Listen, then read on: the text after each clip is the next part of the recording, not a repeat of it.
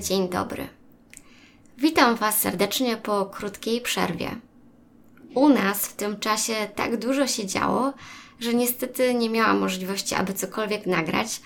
Tak jak wspomniałam w ostatnim podcaście, przyprowadziliśmy się do Polski. Plany były takie, żeby jeszcze w czerwcu przylecieć tutaj, ale koronawirus zmusił nas do przełożenia tego terminu. W związku z tym, że wszystkie urzędy były zamknięte praktycznie od marca do lipca, to otrzymanie samego aktu urodzenia wiązało się z bardzo długim oczekiwaniem. A do tego jeszcze dochodzi wyrobienie paszportu, na który także czeka się teraz o wiele dłużej niż normalnie. Mieliśmy szczęście, że mogliśmy udokumentować naszą pilną potrzebę wyjazdu do Polski i tylko tym sposobem udało nam się otrzymać te wszystkie dokumenty w trybie przyspieszonym. Przeprowadzka do innego kraju z czteromiesięcznym maluchem w sytuacji, gdy nie ma się pomocy nikogo, jest dosyć sporym wyzwaniem. Pakowaliśmy się w przerwach od pracy i wtedy, gdy Oliwka spała.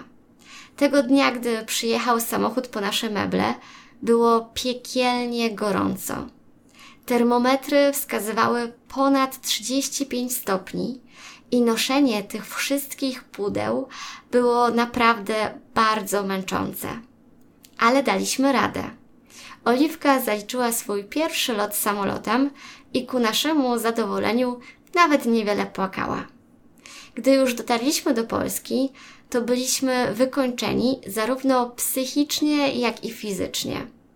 Planowanie tej całej przeprowadzki, stres związany z oczekiwaniem na paszport małej i cała ta operacja logistyczna kosztowała nas bardzo dużo nerwów.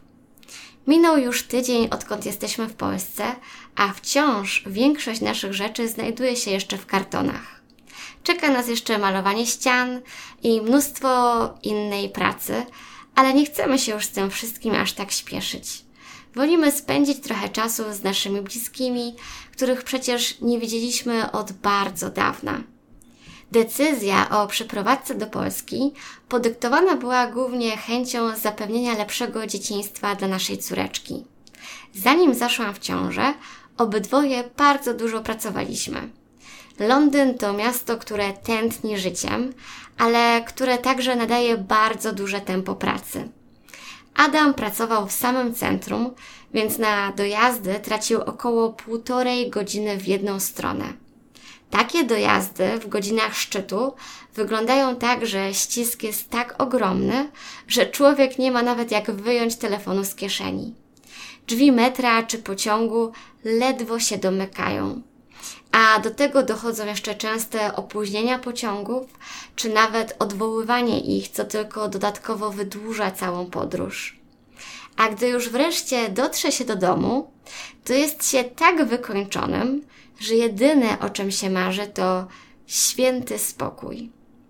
Tak więc, gdy byłam w ciąży, to dużo rozmawialiśmy o naszej sytuacji i analizowaliśmy różne możliwości.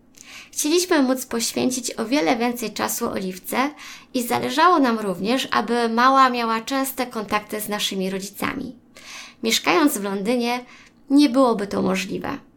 Dużo rozmawialiśmy o naszych wspomnieniach z dzieciństwa i tym, co dla nas wtedy oznaczał taki spokój i bezpieczeństwo, i obydwoje byliśmy zdania, że to raczej w Polsce uda nam się jej zapewnić takie szczęśliwe i spokojne dzieciństwo.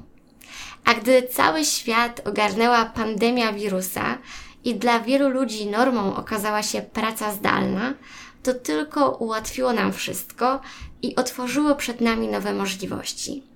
Tak więc byliśmy bardzo pozytywnie i optymistycznie nastawieni do tej przeprowadzki, ale mimo wszystko po przyjeździe tutaj dopadł nas kryzys. Ja takie większe zwątpienie miałam akurat wczoraj. Czułam, że nie odnajdę się w Polsce. Mieszkamy teraz w Białym Stoku i ja tego miasta zupełnie nie znam. Nie wiem, gdzie jest dobry szewc, ani gdzie jest urząd miasta. Nie mam też pojęcia, gdzie są najlepsze trasy do spacerowania z wózkiem. I co najważniejsze, nie mam tu znajomych. We wcześniejszym podcaście wspomniałam o tym, że podejmowanie decyzji o przeprowadzce przychodzi mi z dużą łatwością, a to dlatego, że przeprowadzałam się mnóstwo razy i to zarówno wtedy, gdy byłam dzieckiem, jak i również w swoim życiu dorosłym. Pewnie średnio jakoś co trzy lata zmieniałam miejsce zamieszkania.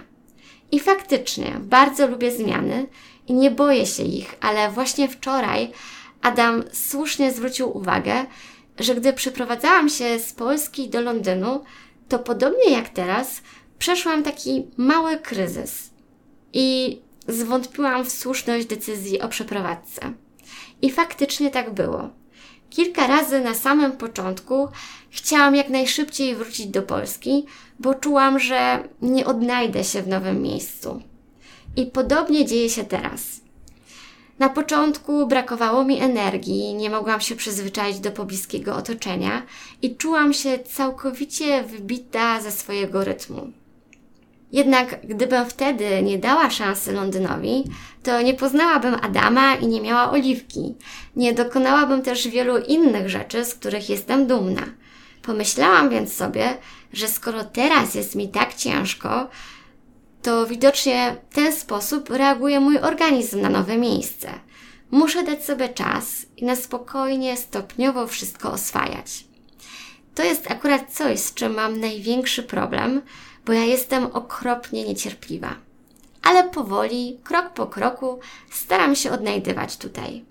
I to nie jest tylko kwestia nowego miasta, ale ogólnie Polski jako kraju.